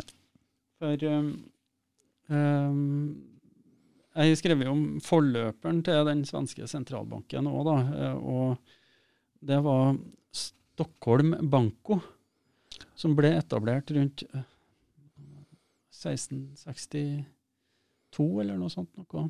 Mm. Rundt 1660, da.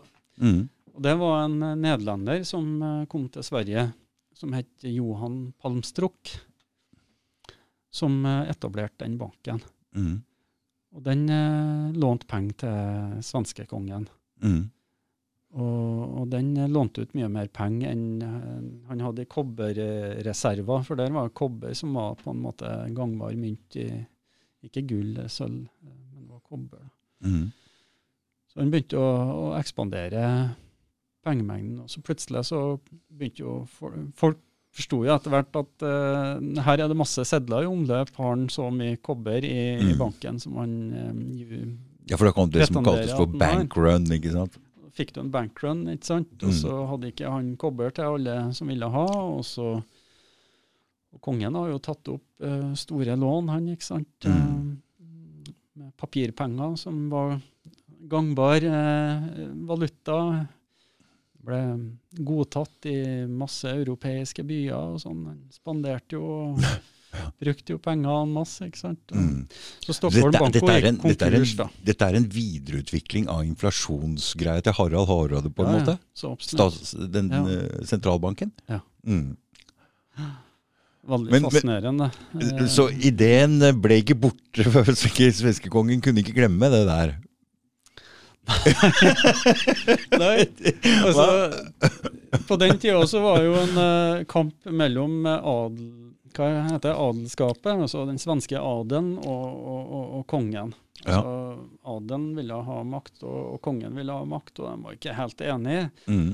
Så var, til å begynne med så var det på en måte eh, adelen da, som plukka opp restene etter Stockholm Banco Ja. og etablerte eh, det som ble kalt Stenders, Riksens, eh, unnskyld, Stenders Riksens Bank Mm. i 1668. Og det ble den første sentralbanken. Mm. Eh, jeg kan forklare kort eh, hva en, en sentralbank er, da. Mm. Um, altså, sentralbanken den bestemmer pengemengden i samfunnet. Mm. Og i, i Sverige da, så tillot man da oppretting av flere private banker Mm. som var underordna sentralbanken. Så de private bankene og sentralbanken de fikk trykke opp sedler. Um, sentralbanken bestemte at private bankene de måtte ha reservene sine lagra hos sentralbanken, altså Riksens, Riksens Bank. Og hvis eh, sentralbanken da så det at det ble produsert for mye penger, altså sedler, det ble lånt ut for mye, eh, mer enn det som eh, sentralbanken likte, Mm. så regulerte den, altså krevde sentralbanken da, Den har visse verktøy som den kunne bruke for å få redusert ned pengemengden igjen. da Redusert ned utlånsaktiviteten, rett og slett. Men det som skjedde, var jo at um, Karl 12., som uh, er mest kjent som en sånn krigerkonge da, av, en, av rang, Mm. han tok opp store lån. Mm. Uh, Bankene ga han det lånet som han ba om. Mm. Og han førte kriger i Norden og mot Polen og i mot Russland. Mm. Så lille Sverige da, ble ganske så mektig gjennom inflasjonspolitikk igjen, da, akkurat som. Harald Hardråde. ikke sant? Så Mm. ambisjonene gikk, Mm. Mm. gikk til hodet på, på Karl den 12. Gratis penger, det der. Det er jo det, vet du. Det er jo, jeg vet ikke hvordan du hvordan har du reagert på det der. Du er allerede konge fra før. Du har kjempesuksess, du bygger slott og bibliotek, og du har din egen bank, og folk bruker mynter med liksom det eh, Den kunstner som er liksom preger myntene, der er du på den ene sida og korset på andre sida. Det er jo flott og fint, ikke sant? Mm. Og alle elsker deg, i hvert fall når vi dem pengene dine, ikke sant? Ja. Jeg skjønner at det kan gå til hodet på folk. Altså at, at inflasjon er farlig på et sånn personlig plan. Jeg kan forstå det. Mm. Jeg tror jeg Du skal være rimelig sterk for å, for å stå imot det. Men hva skjer med han eh, holdt på å si Adolf? Ludvig 12. Adolf, ja, nei, kong Karl den Kong Karl. Kong Karl. Han går på en um, Han går på en smell! Han går, ja, men han reiser seg igjen, vet du. Det her er- karen var en sliter. Ja. Nei, han eh, Jeg tror det var i 1709 at han eh, dro ut på et digert felttog nedover til Ukraina. Mm. Og han blir sabla ned i eh, Poltova, utafor byen Poltova, av den russiske hæren. Mm. Eh, Men han overlever, og en, en, en liten gruppe soldater da, som han har rundt seg. Og de på en måte skåner han. Han er jo tross alt konge. Du trenger ikke på den tida så altså, ja, La han gå. la han gå. Eh, ja. Mm. Så de lot han være der, og han var, jeg lurer på om han var en stund nede i Tyrkia også, sammen med soldatene sine, og levde egentlig glade dager og ble de serverte Ja, de behandla han. Ja, fordi Sverige Pent. Han dro ikke tilbake til Sverige? Nei, ikke, ikke før det har gått en stund, og de begynte å bli lei av han og folket hans. da.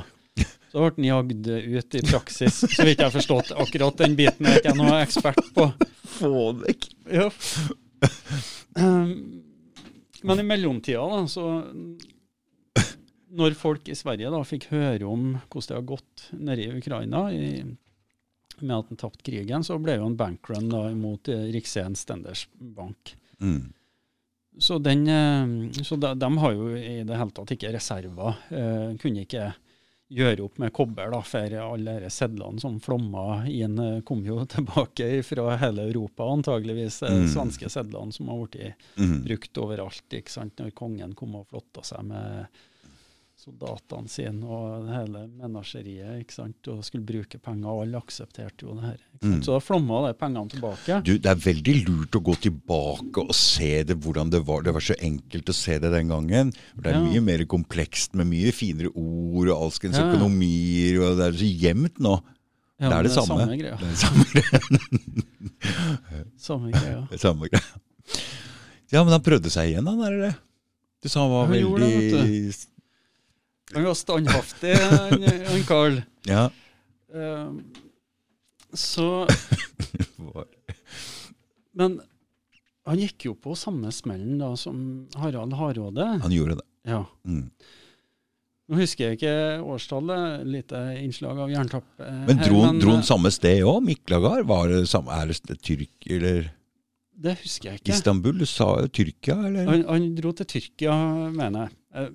Eh, Ta det med en klype salt, da, men jeg, Ja, jeg tror mm. han dro, til, dro dit, i hvert fall. Så han ble på en måte Han ble behandla som en konge og sånn helt til Men er ikke Istanbul. Istanbul er ikke det Miklagar? Miklagard? Miklagard, ja. Mm. Og Istanbul er jo Tyrkia? Istanbul er i Tyrkia. Han var vel samme sted, han da. Ja, jeg. Jeg skal ikke si det helt sikkert. Jeg husker ikke Det er sånn derre fristed for konger som har driti seg ut, det der. Ja, ja, ja. ja. Nei, jeg vet ikke. eh, Og så lærer du noe lurt, og så blir du sendt opp hit igjen. Jeg skal ikke garantere for den delen der, i hvert fall. Men han, han eh, der han var, da, altså det- det plassen der han var, Ja. der fikk han være ei stund. Og han levde i sus og dus der helt til de ble lei av ham, og så måtte han dra tilbake til, til Sverige. Og han var jo fortsatt eh, det han var best til, var jo å krige. Mm. Så noen år etterpå så bestemte han seg for at han eh, skulle eh, legge Norge under seg. Aha. Og da kommer vi til slaget ved Halden, Aha. og der dør han. Der blir han skutt. Så bra. Ja, det vil jeg absolutt eh, påstå òg, og det, det tror jeg svenskene òg sa. For det det aller meste tyder på at han ble skutt av en av sine egne soldater. Mm. Så da var de antageligvis lei. Eh, Og i mellomtida da, så har han jo drevet og, og, og, og, eksperimentert med litt sånn god, gammeldags nødmynt, da, som han, eh, Mm. han sa liksom Han laga mynter som inneholdt eh, veldig lite kobber. eh, Jeg husker ikke hvilket metall han brukte i, staden, stedet, men han sa dere må bruke det her, folk. Ja. Eh, og så, når vi er ferdig med krig, krigene, så Da- skal dere få tilbake få ekte tilbake. Mm. kobbermynt. Mm, mm. Mm. Så han prøvde seg på lån omtrent, han og, Det, det var jo en ny, ny sånn inflasjonsrunde bare med mynter, for folk Ja, ja. var vel dritlei av sedlene hans. vil jeg tro. Så han måtte ha noe måtte, som tilbake til gammeltida, noe som folk har litt mer tillit til. ikke sant? Håndfast, ja. eh, hard eh, metallvare, ikke sant? Som, Mm. noe som ligna på verdi. Mm. Um, og, og gjennom det opplegget som ja, da ekspanderte den pengemengden, ikke sant? og det var jo allerede fattigdom og helt forferdelige tilstander i, i Sverige på den tida. Det ble enda verre når han innførte det her nøddalerne sine. Mm. Så, men eh, friskt mot, eh, godeste Carl, eh, Mm. skal legge lille Norge under seg. Mm. Har en overlegen her, Mm. og blir tatt av dage i, i Halden.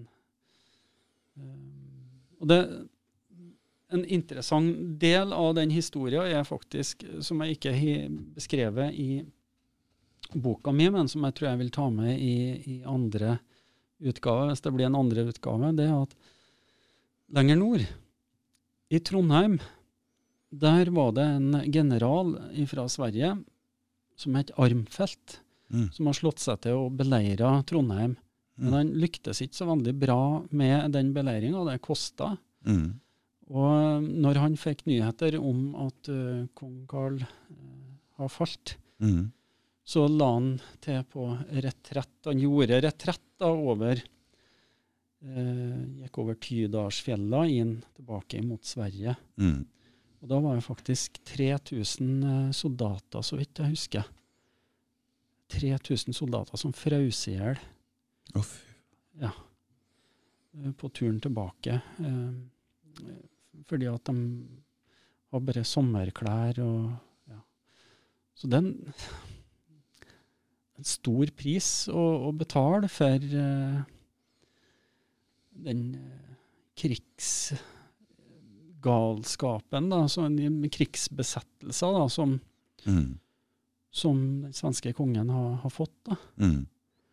Makt Det, og det, er en, det er jo en katastrofe. ikke sant? Det er så mange eh, unge svenske menn som mister livet. De fryser i hjel oppå fjellet i vinteren der.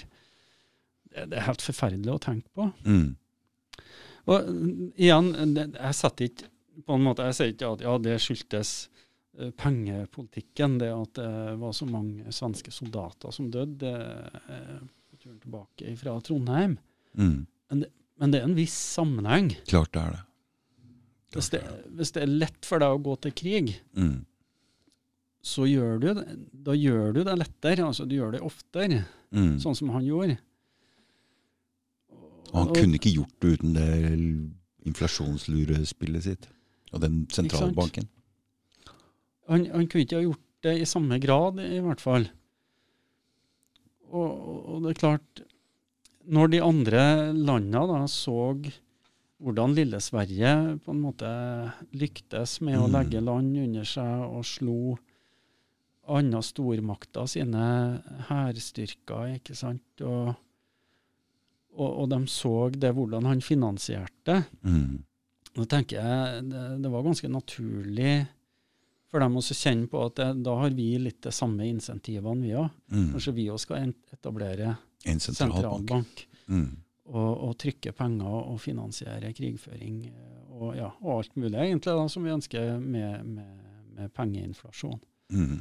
Så ideen om sentralbanker spredde seg jo eh, over, eh, over hele Europa, i hvert fall. da. Mm. Kom litt senere da til USA. Mm. Der var det jo en kamp fram og tilbake om denne sentralbanken mange ganger. Mm. De ville ikke ha den. Ja, Det var stor motstand mot den, men det var òg mye pengemakt borti der. Mange rike som, som ville ha det. og så det er jo, det er jo skrevet bøker eh, om Ja, det, masse bøker om det. Mm. Men i 1913 så fikk de òg da endelig Mm. På plass den loven eh, om The Federal Reserve, og Federal Reserve da, som er et sentralbanksystem med flere sentralbanker. Det er litt Mm. spesielt. Mm. Det ble etablert i, i 1914, av året etterpå. Var det den siste sentralbanksystemet som kom på plass i Europa, eller, eller, eller i, i vår del av verden? Sånn i den vestlige verden, eh, det er litt usikker på. Jeg vil tro at det måtte være en av de siste, ja. Mm. Så tok det ikke lang tid før første verdenskrig kom, hva? Ja, det er jo interessant poeng. Og da kan Ja, det litt var- sånn konspirasjons... Ja, men jeg bare Jeg bare Jeg ser det i hvert fall. Når vi ser hvordan sentralbanker, Mm. inflasjon og kriger og sånn går hånd i hånd, ja. så er det i hvert fall en tanke som slo meg der. ja. Ja, ja. ja det, det er mye interessant, men jeg, jeg tror det at uh, vi, vi kan lære mye av historier. Da, og mm, jeg prøvde også å vevde inn eh, litt sånn, eh, sånn grunnleggende økonomiforståelse i min beskrivelse av de historiske hendelsene, da, sånn at folk får noen knagger å og, og, og henge det her på. Mm. Det, det skjedde sånn og sånn og sånn. Og det kan vi sette i sammenheng med at det ville ha den og den økonomiske effekten. Det, man har insentiver og, og sånne, så, sånne ting. Da. Det er på en måte min, altså min stemme litt inn i det her historiske kapitlene un, underveis, da, Mm. som en slags sånn kommentator. da. Mm. Så at det ikke blir bare historiefortelling, men at du setter det i en, eh, en, eh, en slags faglig eh, økonomisk sammenheng, uten at jeg skal påberope meg å være økonom. Så det, det tror jeg Jeg håper i hvert fall at det er med oss å levendegjøre eh, både det historiske stoffet og, og på en måte det økonomifaglige. da. Mm. Håper det, Mm. at det har gjort det. Det har i hvert fall vært en veldig Det er like spennende nå å høre deg fortelle som da jeg leste boka. Det er et kjempespennende område. Jeg har Mm. aldri hørt det forstått det fra den kanten derfra. Mm. Mm. Så det er veldig spennende. Du, den andre boka di. Når skal Ja. du reise i morgen, egentlig? Skal du reise i morgen? Nei, jeg, jeg skal til Jeg blir på Østlandet til, til lørdagen. Eh, Så på lørdagen så skal jeg en tur til Gjerdrum faktisk og, og spille inn oh, ja. Gjøre litt opptak eh, der til en annen podkast som vi jobber med. og Også en som, en som ble evakuert etter eh, kvikkleireskredet Mhm. på Ask. Fordi den andre boka di handler jo om kvikkleire. Og det er jo Ask og Gjerdrum et sentralt eh, sted. Jeg jobba jo i Ask, på Gjerdrum. Ja. Så jeg så jo det var jo Riksvei 120 var jo stengt i ikke, nesten et år. For en greie. Mm. Der har du også noen teorier, Rune. ja. Det er nesten så vi nesten Hvis du hadde hatt rekt det, at vi skulle tatt en podkast bare om den boka også, for den, det er jo, den boka er jo tjukkere, ser jeg. Ja, den, den skrev jeg i 2021, da, eh, etter, eh, i månedene etter eh, Gjerdrum-skredet. Så den kom ut for ganske nøyaktig ett år siden. Mm den, den heter 'Kvikkleire', Mm. kort og greit, Uh, undertittel 'Farlige teorier'. og da valgte jeg å på en måte gjenbruke den undertittelen da, Mhm. når jeg ga ut den siste nå. da. Kommer det flere sånne farlige teoribøker, tror du? Det var et sånt tema som jeg tenkte eh, å si til deg på forhånd, at det må jeg ikke ta opp. For at hvis samboeren min får se det her, og dattera mi får se det her, Ja, for dette har tatt tid. og, og, ikke, og jeg ikke svarer nei på det spørsmålet, der, så spørs det om jeg har noe hjem å komme hjem til. Ja, ja. Ja, for du er, må jo være Ja. litt advokat ved siden av, og litt må familiemann. Ja. Altså Men uh, det jeg tar opp uh, i, i den boka, det er jo ja, Vi må nesten uh, det, det fyller jo i hvert fall eh, altså Det fyller jo en egen podkast, det. Men den teorien jeg tar opp der, da, det er den rådende teorien blant såkalte geotekniske ingeniører. Vi kaller dem geoteknikere. Eh, Mm. Det er dem som har vært ekspertene siden 1950-tallet i Norge. Mm. Og jeg analyserer da i boka et stort antall eh, rashendelser som har vært helt fra 1800-tallet og så frem til Gjerdrumskredet og etter det. Går gjennom rapporter eh, som er skrevet av eksperter, uttalelser fra folk som har opplevd rasene Mm. og, og, og, og analysere også det vitenskapelige grunnlaget for den teorien om at det er dårlig skråningsstabilitet, som de kaller det, som er årsaken til at uh, skredene ja, til at det raser. Mm. Så de setter det i sammenheng med bl.a. hvor bratt en, en bakke er. Eh, og det er klart det har en viss innvirkning, men de legger altfor stor vekt på det, mener jeg da. Men, men jeg kjørte jo forbi Ask der, jeg så ikke noe skråning av noe veldig greie der. Ja, altså.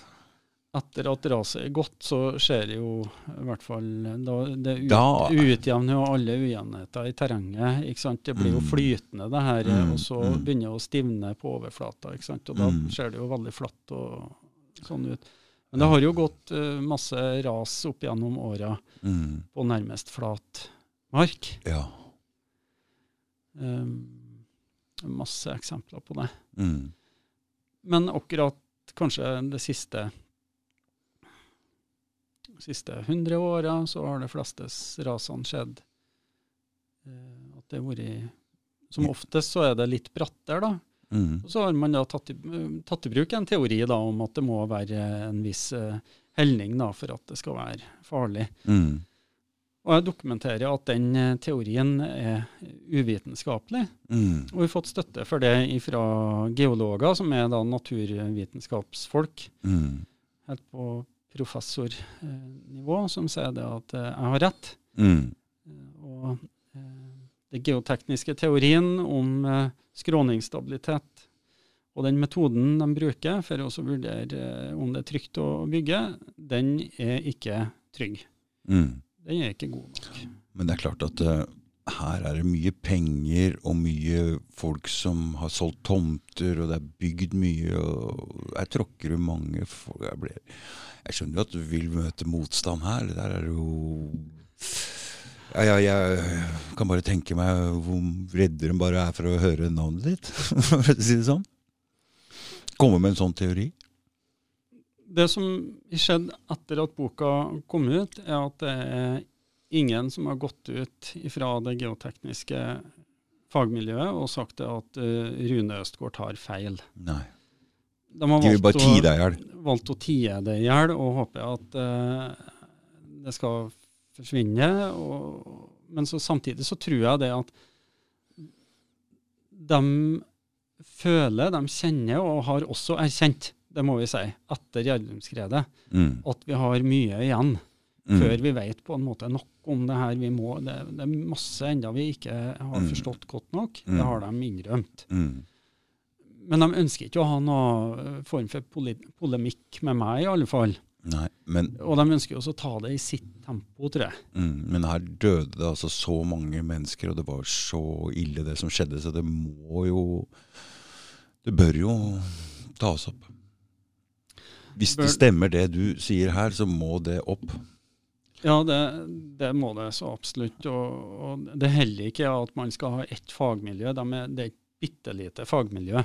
Mm, Eh, jeg vet ikke, en brøkdel av advokatfagmiljøet, altså i Mm. forhold i antall uh, ingeniører som er spesialister innenfor det her. mm, Og det er ikke holdbart eh, at man bare skal løse de her utfordringene med å diskutere det bak uh, lukka dører og, mm, og, og, og, og ta det i forskningsmiljøene deres. Og sånn. Det må opp, og du må få med flere fagfelt. Det er helt utvilsomt. Mm. Å ha med geologer, bl.a. hydrogeologer og masse ekspertise. der. Mm. Mm. Uh, og så må de ta inn over seg at det finnes uh, kunnskap allerede fra andre litt sånn parallelle fagfelt, som f.eks. kartlegging av grunnforhold i forbindelse med olje- og gassleting. Mm. Der har man kommet mye mye lengre Mm, i, i å kartlegge grunnforhold enn enn måten man holder på på, på fastlandet. Mm. Så jeg, jeg tror at det holder på å skje noen ting der, og det, det, er, jo, det er jo helt nødvendig. Eh, absolutt. Du kan ikke bo et sted når du begynner å lure på om det blir vekt, at du blir vekket av et ras. Det Ja, hvor stor er risikoen? ikke sant? Folk tenker det er risiko om jeg kjører ut med bilen, eh, om jeg tar fly. ikke sant? Eh, Jeg kan ramle i trappa. Alt er risiko. Man rasjonaliserer på en måte vekk Mm. den her risikoen som ligger der under huset sitt. Og, Det er litt sånn. annerledes når man er i sitt eget hjem. Det er, bør være ro og fred og trygt. Ja, sant? Når du er ute og kjører, så er det jo på egen risiko. Når du er ute og løper eller går, eller sånn, så beveger du deg på, med en egen risiko Mm. som du er klar over. Men uh, hjemme man vil helst ikke tenke på vet du, det, det er det som er holdningen. Og la oss si da at du er bekymra.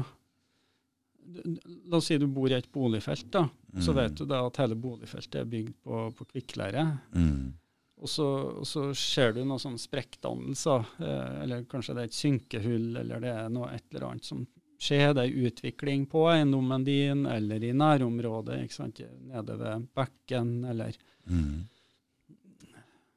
Og så, og så tenker du eh, det her, Jeg vet ikke om det er risikabelt, eller hvor stor risikoen er. Skal jeg ta kontakt med kommunen? Vil de gjøre noe med det? Har de kunnskap?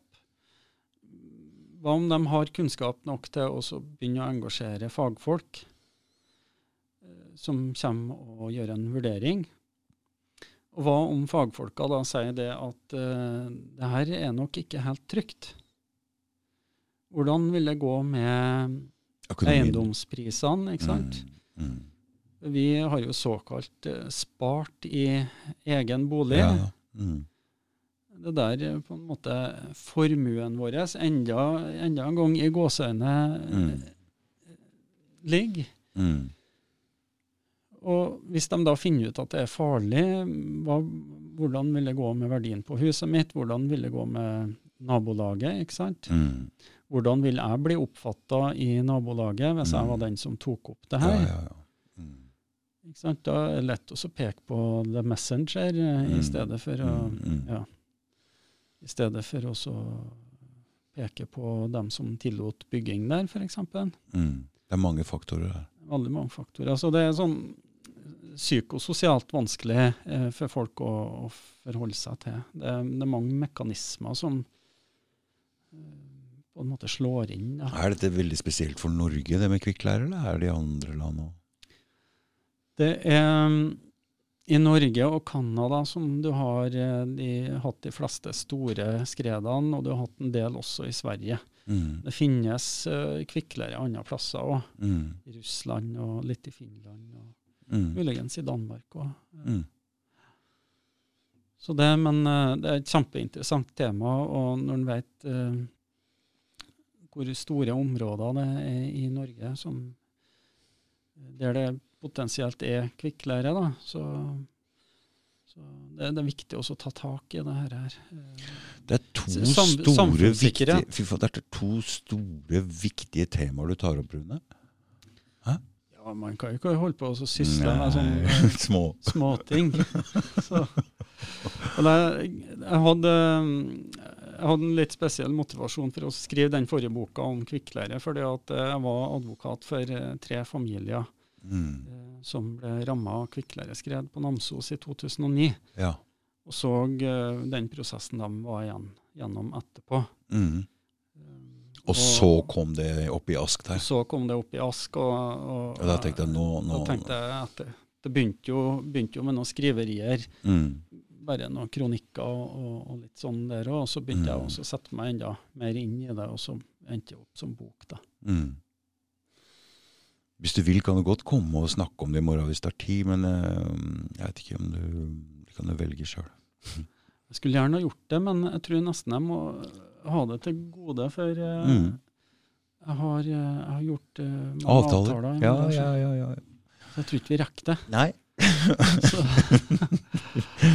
Så, For jeg skjønner men, nå at Men tusen takk for jeg, jeg skjønner nå at det blir litt sånn Gå gjennom den boka nå sånn kjapt, og det, ser den tjukke boka og det viktige temaet også, så tenkte jeg det kanskje ville vært Ja, men nå skal jo du opp og ha en slags podkast oppe på Gjerdrum. Hva er det for noe, forresten? Ja, jeg har blitt kjent med en kar som heter Tore Grønås. Eh, Det er en absolutt kjernekar eh, Mm. som ble evakuert, han og hans familie. De ble evakuert til Olavsgård. Mm. På TV-en så sto de sammen med svigerforeldrene hans og så på at eh, huset deres gikk med i, i raset. Mm. Og mm, etter eh, raset så var jo eh, spørsmålet om hvor lenge skulle folk bli evakuert. Og så Mm. fikk de beskjed om at de kunne komme og hente eiendelene sine, fikk være med politi eh, kjapt inn og ut. ikke sant, Fikk ta med seg bare litt. Og, og så plutselig, bare en dag etterpå, eller noe sånt, så, så fikk de beskjed Altså Dagen etter at det var kjempefarlig, nei, så fikk de beskjed at nå er det trygt å å flytte tilbake. Mm. Og han eh, eh, Han har begynt å, å tvile litt på det samme som jeg har tatt tak i, da, det med fagligheten. Han har ikke tillit til at det var trygt, så de valgte nå etter hvert å, å selge det huset. Og så Hva kjøpte de får seg du hus igjen for det der oppe nå? plass. Jeg tror han solgte med litt tap. Å ja. mm. men eh, altså, han Ikke solgte jo ganske kort tid etterpå. Så Erfaringa fra f.eks. fra Namsos var det at eh, eh, det gikk ikke så lang tid egentlig før prisene begynte å så komme etter igjen, sånn Mm. noenlunde. Mm.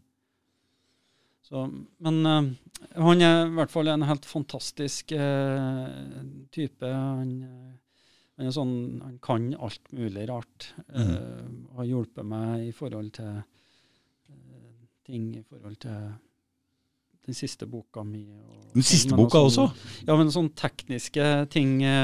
Eh, han hjalp meg med, med forlags... Jeg måtte jo etablere forlag når Å jeg skulle gi oh, ja, ut det her mm. på eget forlag. Mm. Så da hjalp han meg med, med logoen, eh, altså Epictet-logoen her Mm, og, sånn. Altså, jeg, han kan alt mulig rart, så han eh, Jeg gleder meg virkelig til å opp og møte han og Vet du hva vi gjør? Du kan Nå skal jeg, jeg tenkte jeg skal gi ut denne podkasten her på søndag. Okay. Men øhm, det hadde jo kanskje gått an å legge med en link til den podkasten som du skal ha der oppe. Hvis den allerede er ute, da. Den tar det nok litt tid å så få ut, men ja. eh, mm, mm. Um, for uh, det er første episoden vår, vet du, og du, Ja, ja. du sparte jo de fem første, gjorde du ikke det? Jeg gjorde det fordi øh, Det er sikkert litt smart. Fordi da kunne jeg ha en hver uke. og Det gjelder å være Mm. liksom, litt sånn stabil da, og gi ut noe som du veit at det er en fast uh, greie. Ja. Hvis folk vil følge med. Du Kan ikke bare gi ut en og så vente to måneder og så gi ut en. Så det blir ikke noe Da veit jo ikke folk hva de skal forholde seg til. Så det, det var i hvert fall sånn jeg gjorde det. Jeg veit ikke hva dere vil. Men. men skal dere bare handle om det emnet, eller? Um, vi må kalle det Kvikkleirepodden, da, antageligvis. Ja, Jeg tror det er mm. det det skal handle om. Mm, mm. Vi har kikka på mange områder rundt Ok, men- omkring i landet, så vi har, vi har mye å produsere der. Ja, men vet du hva? Da kan jo en av dere her komme ned og prate litt om det, og så kan vi linke opp mot podkasten deres, så får dere litt ekstra reklame opp for den podkasten. Glimrende. Ja, bra. Tore er i hvert fall en bra mann. Eh, Han er, han er glad i oss å snakke, han òg. Ja, men han bor jo her nede, så kanskje Ja, du slipper å dra ned hit, og så kan han komme hit og prate litt om det, så kan han prate om podkasten sin når han får den opp og gå. Ja. Det var kanskje litt dårlig gjort uh, av oss. og på en måte Det ligger jo en slags utfordring her Hvem skal komme hit og snakke med deg. Det må han jo få ta stilling til sjøl, men uh, Ja, men han får litt ekstra, type ekstra reklame eller ekstra litt uh, drahjelp, da. Ja, ja, absolutt. Kjempemessig. Mm. Er vi ferdig? Er vi i mål? Det har vært en fornøyelse å få komme hit. Ja, og les boka. Så vi linker opp til denne boka, den andre boka. Flotte greier. Mm. Tusen takk for at du kom, Rune. Takk for at jeg fikk komme. Mm. Veldig hyggelig. Ha det.